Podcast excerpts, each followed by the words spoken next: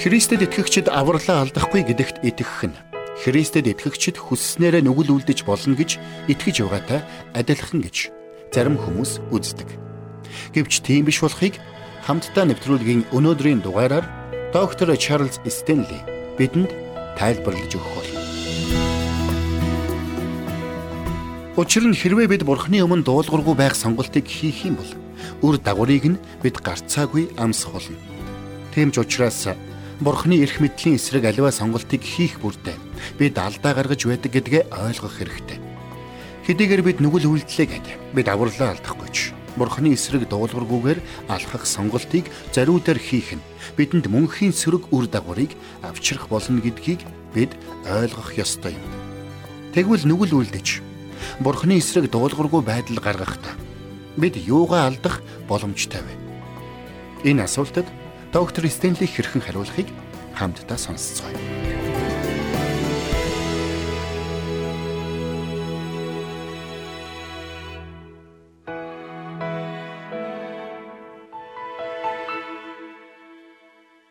Христэд итгэгчид бид авралаа хизээж алдахгүй гэдгийг бид мэднэ. Гэхдээ тэглээгээд бид юу хүснээ үйлдэж дураараа амьдрч болно гэсэн үг үү? Мэдээж үгүй. Итгэгч хүн авралыг авсан ч гим нүглэр дүүрэн амьдрах юм бол Энэ нь түнд мөнхийн үр дагавартай гэдгийг бид ойлгох ёстой. Учир нь бид мөнхийн улсад очиод бүгд яг адилхан шагнал авахгүй. Тиймээс Христэд итгэж авралыг авсан итгэгч хүн авралаа нэгэнт алдахгүй юм чинь юу хүснээ хийж дураар амьдрч болно гэдэгт итгэж байгаа хүн нэг бол Библи огт уншаагүй. Нэг бол Библийг маш буруу ойлгож байгаа хүн байна л гэсэн үг. Тиймээс хамтдаа энэ цагт 1-р Коринтын 3-р бүлгийг гаргаад харъя. Хожмын шүүлтийн өдөр Христэд итгэгчдэд юу тохиолдох тухай Илч Паул энэ хэсэгт маш тодорхой өгүүлсэн байдаг юм. Ингээд хамтдаа 1-р Коринт номын 3-р бүлгийн 10-аас 15-ыг уншийе. Надад өгөгдсөн Бурхны нэгүслийн дагуу би мэрэгэн барилгачин мэт суурь тавьсан бөгөөд өөр нэгэн түүн дээр барьж байна. Гэхдээ түүн дээр яаж барихаа хүмүүр анхаарах тун. Учир нь тавигдсан суурь болох Есүс Христээс өөр суурийг хинч тавьж чадахгүй. За эндээс харах юм бол бид Христэд итгэж авралыг авах үед Есүс Христ бидний амьдралд орж ирдэг болохыг Илч Паулынд хэлсэн байна. Мөн энэ бол бидний итгэлийн амьдралын суурь гэж хэлсэн. Тэгвэл энэ суурин дээр бид амьдралаа хэрхэн барьж байгуулах вэ гэдгийг Паул үргэлжлүүлэн инх үгүүлсэн байна. 12-оос цааш.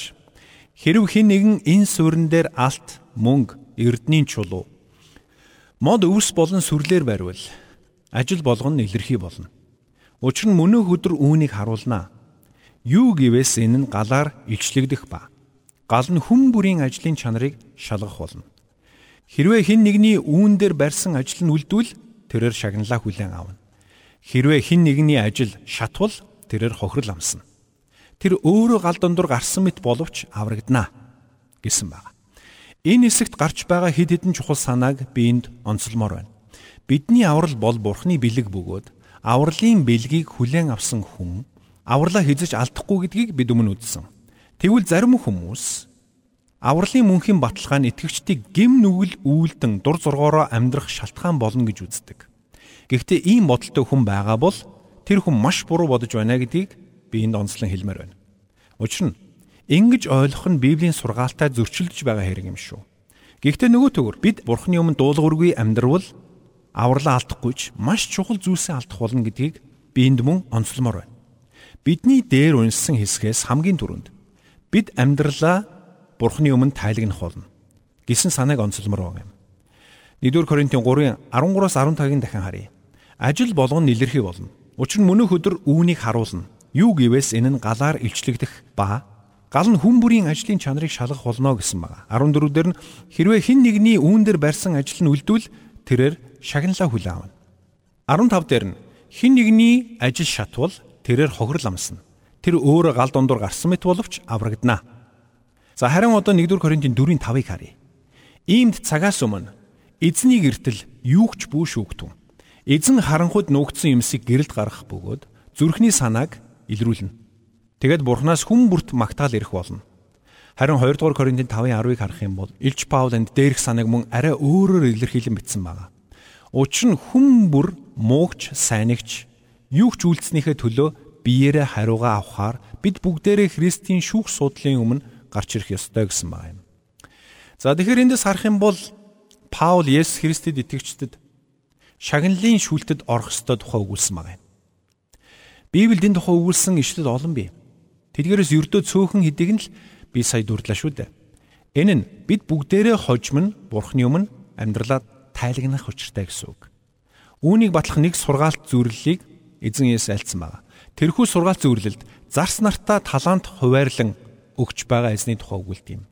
Тэрээр нэгд нь 5 а өөр нэгд нь 2-ыг мөн 3 дахь хүнд нь нэг талантыг хуваарлж өгсөн байдаг. Харин тэд эзэндээ тэр талантаараа юу хийсэн болохоо тайлагнах хэрэгтэй байсан юм. Энэ мэтчлэн Библиэлд итгэж бид амьдралаа Бурхны өмнө тайлагнах ёстой талаар өгүүлсэн маш олон хэсгүүд бий. Гэхдээ өнөөдөртөө би энэ талаар дэлгэрэнгүй үзэхгүй. Харин итгэгчид бид авралаа алдахгүй гэдэг нь биднийг юу хүснээ хийж дураараа дөргөн амьдрах шалтгаан шалтгаан болох уу үгүй юу гэдэг талаар л ярилцахыг хүссэн юм. Мэдээж бидний амьдралын баталгаа бидний Бурхны өмнө дуулуургүй амьдрах шалтгаан шалтгаан болох учиргүй. Хэрвээ надтай санал нийлэхгүй байгаа бол өнөөдрийн миний ярих зүйлсийг та анхааралтай сонсоорой. 1-р Коринт номны 3-р бүлэг рүү эргээд очие.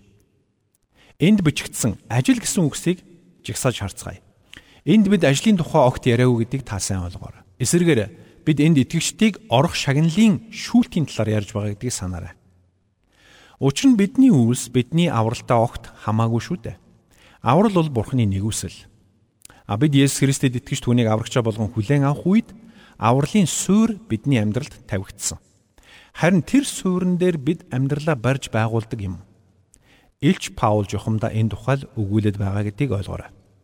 Тэгвэл 1-р Коринтын 3:13-аас 15 дээр ажил гэсэн үгсийг түүж уншицгаая. 13 дээр нь ажил болгоно илэрхий болно. 14 дээр нь барьсан ажил нь үлдвэл тэрээр шагналаа хүлээн авна. 15 дээр нь Хэрв хэн нэгний ажил шатвал тэрээр хохирол амсна. Энд гарч байгаа ажил гэсэн үгээр бидний амьдрал болон бидний үйлчлэлийг илэрхийлж байгаа юм. Сая унсан 13 дугаар ишлэлдэр Паул бидний хийсэн ажлын чанар шалгагдах болно гэдгийг онцолсон байна. 13-ыг дахиад уншийе да. Ажил болгон илэрхий болно. Учир нь мөнөөх өдөр үүнийг харуулна. Юу гэвээс энэ нь галаар илчлэгдэх ба гал нь хүн бүрийн ажлын чанарыг шалгах болно гэсэн байна.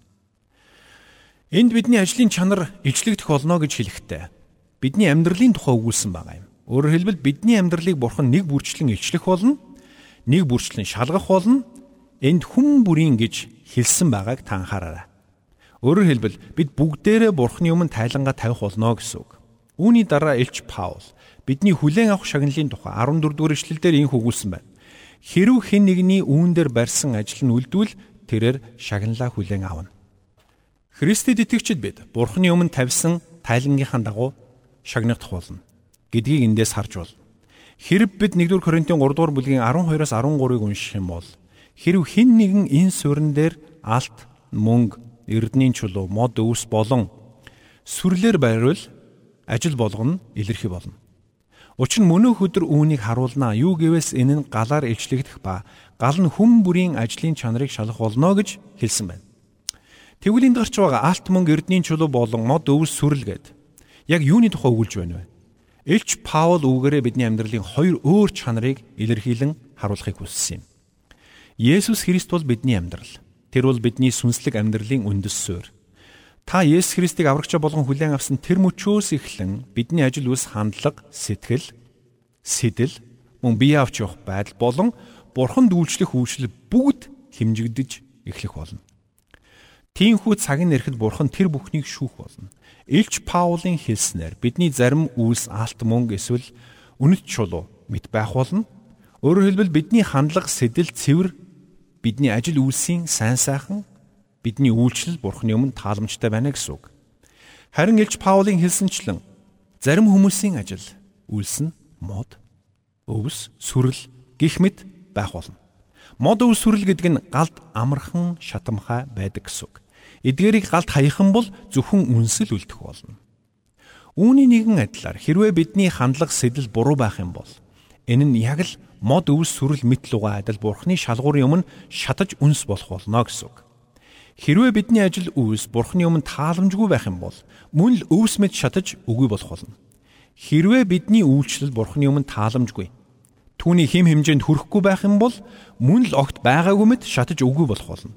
Хэрвээ бидний хандлага, бидний үйлс, бидний үйлчлэл ийм байх юм бол Паулийн онцлсончлон галд шатах мод, өвс, сүрэлтэй адил Бурхны шалгуурт тэнцэлгүй үгүй болох болно гэдгийг онцолсон байна. За тэгвэл нэг зүйлийг бодоод үзээрэй. Бурхан бидний үйлсийн мань дагуу шагнах болно гэдгийг өөрийн үгэндээ батлан хэлсэн байдаг. Магадгүй та дотроо би ийм шагналын тухай огт сонсож байгаагүй юм байна гэж бодож үж болно. Тэгвэл та Библийн анхааралтай уншаад үзээрэй. Бурхан бидний үйлсийн мань дагуу шагнах болно. Хэрвээ бид Бурханы төлөө амьдарч түүнийг дуулууртаа дагах юм бол Бурхан биднийг шагнах болно. Харин бид түүний өмнө дуулуургүй байх юм бол тэрхүү шагналаа алдах болно.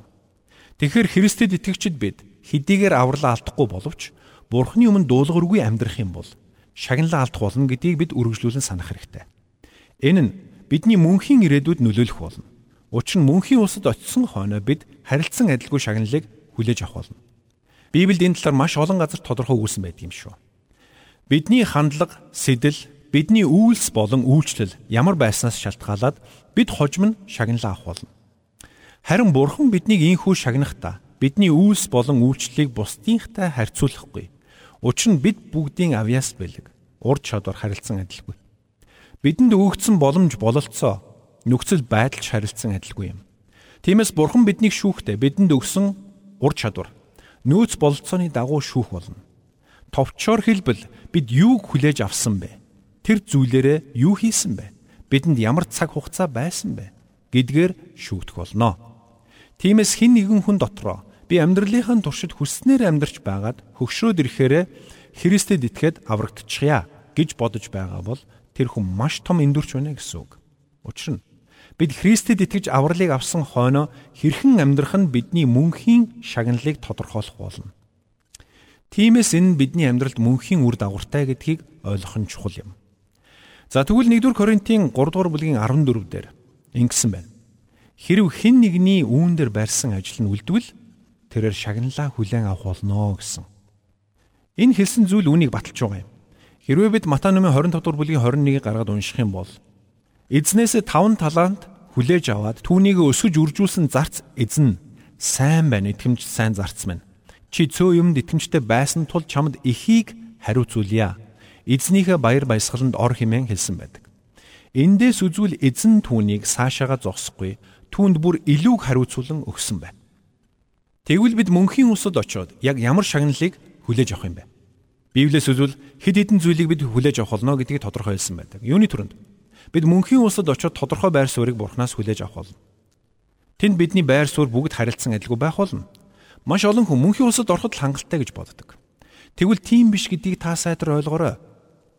Учир нь мөнхийн усад очисон хойно бидний байр суурь харилцан адилгүй байх болно. Бидний байр суурь өөр хоорондоо яг адилхан байх болно гэсэн ишлэл Библиэлд ганцч байхгүй. Жишээ нь эзэн Есүс Матай номын 19:28-д шавнартаа хандан хэлэхдээ үннээр үннээр би танарт хэлье. Хүний хүү сүр жавхлант сэнтедээ залран бүх юм шинчлэгдэх үед намайг дагсан та нар ч мөн 12 сэнтэд залран Израилийн 12 овгийг шүүх болно гэсэн байдаг. Өөрөөр хэлбэл тэднийг Христтэй хамт сууж, Христтэй хамт залрах болно гэдгийг Есүс хэлсэн байна. Цаашилбал Библиэд зөвхт байдлын титэм, амийн титэм, алдрын титэм гих мэт олон янзын титмүүдийн тухай өгүүлсэн байдаг. Тэр бүх титмүүд нь тус тусдаа онцгой байр суурийг илэрхийлдэг юм.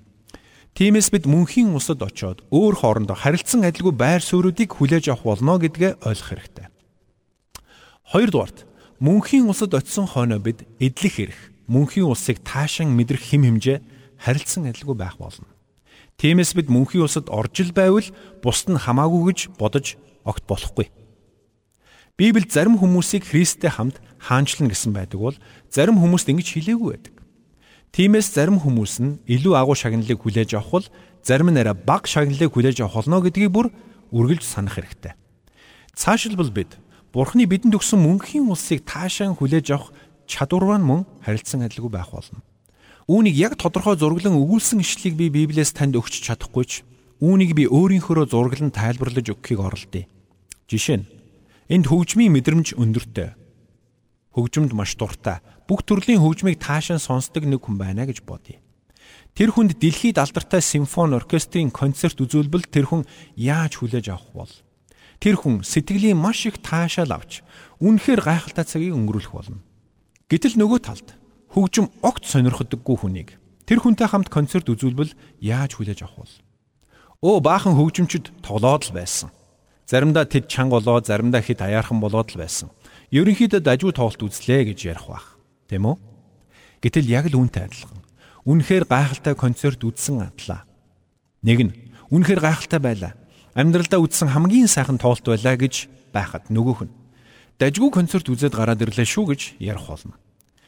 Тэгвэл яг л бидэнд тэдэнтэй адилхан боломж, адилхан нөхцөл өгөгдсөн байна. Магадгүй хоёулаа адилхан урдуур игнэнд суусан байх. Гэтэл нэг нь тэндээс маш их сэтгэлийн цэнгэл эдлэж, маш их баярлан догдолсон байхад нөгөөх нь ямар ч өөрчлөлтгүй сууж байна гэсэн үг шүү дээ.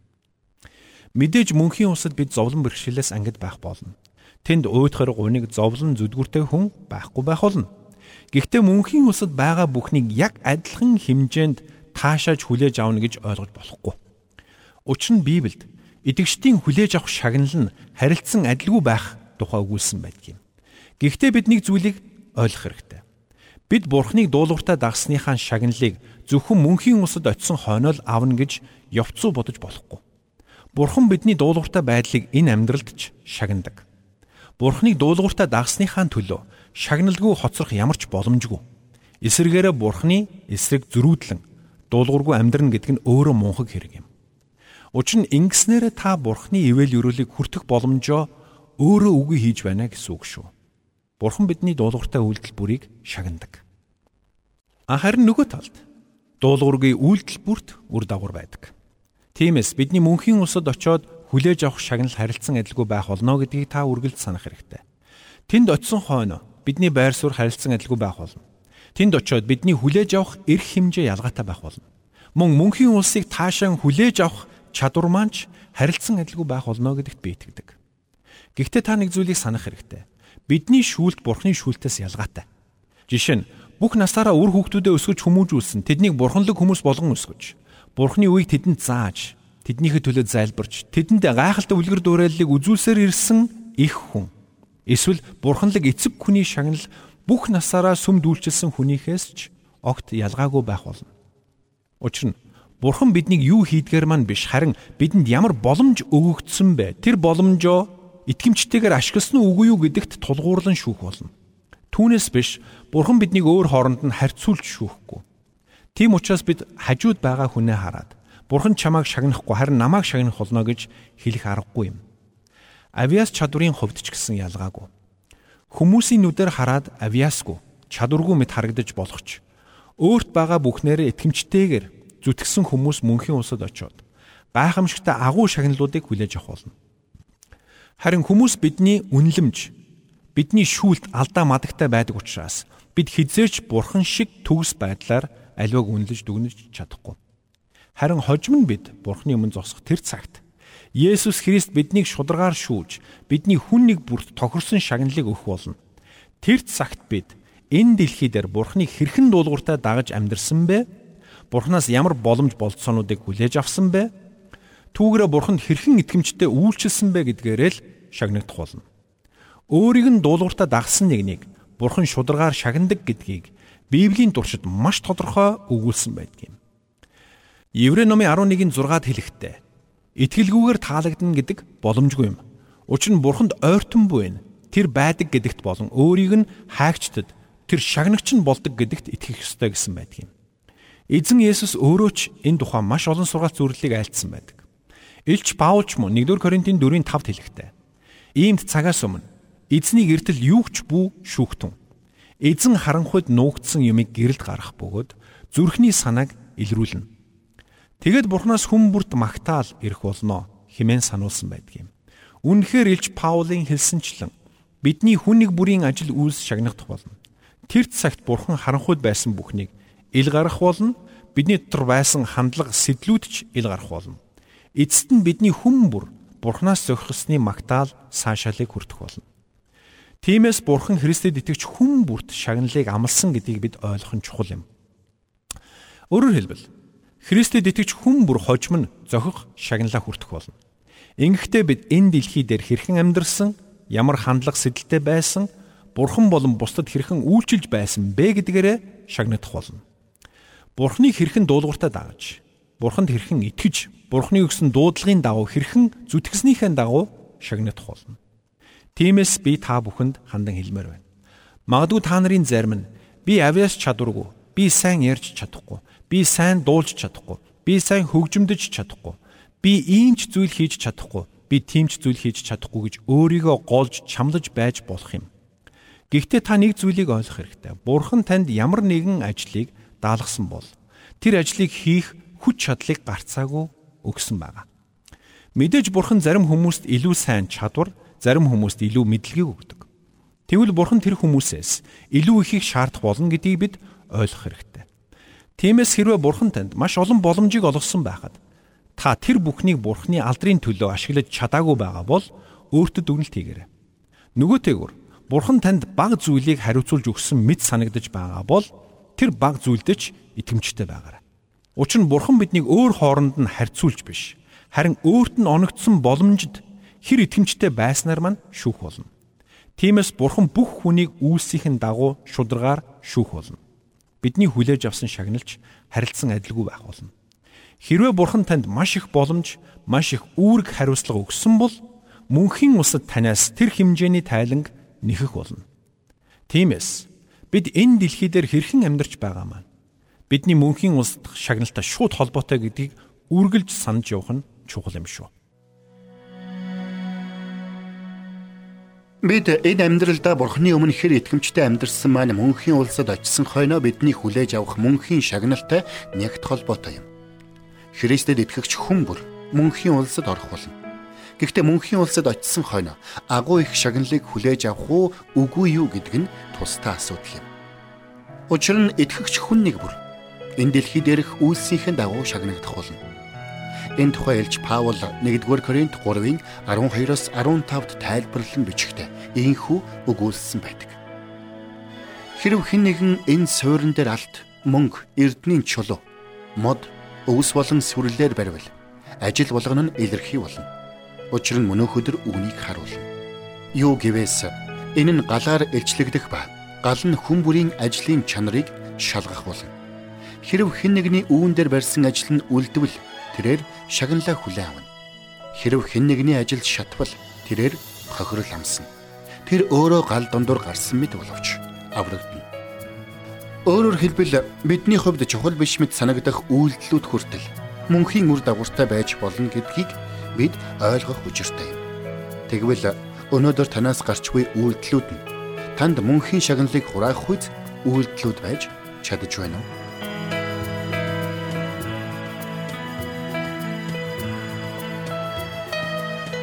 Бурханд тэмүүлсэн сэтгэл хүмүүсийг энэрх зөрхөөр амьдрахад туслах номлогч доктор Чарлз Стенлигийн хамттай нэвтрүүлэг сонсогч танд хүрлээ. Нэвтрүүлгийг дахин сонсохыг хүсвэл ихтгэл радиоцик.com-оор зочлоорой. Бидэнтэй холбогдохыг хүсвэл 8085 99 тэгтэг дугаард хандаарай.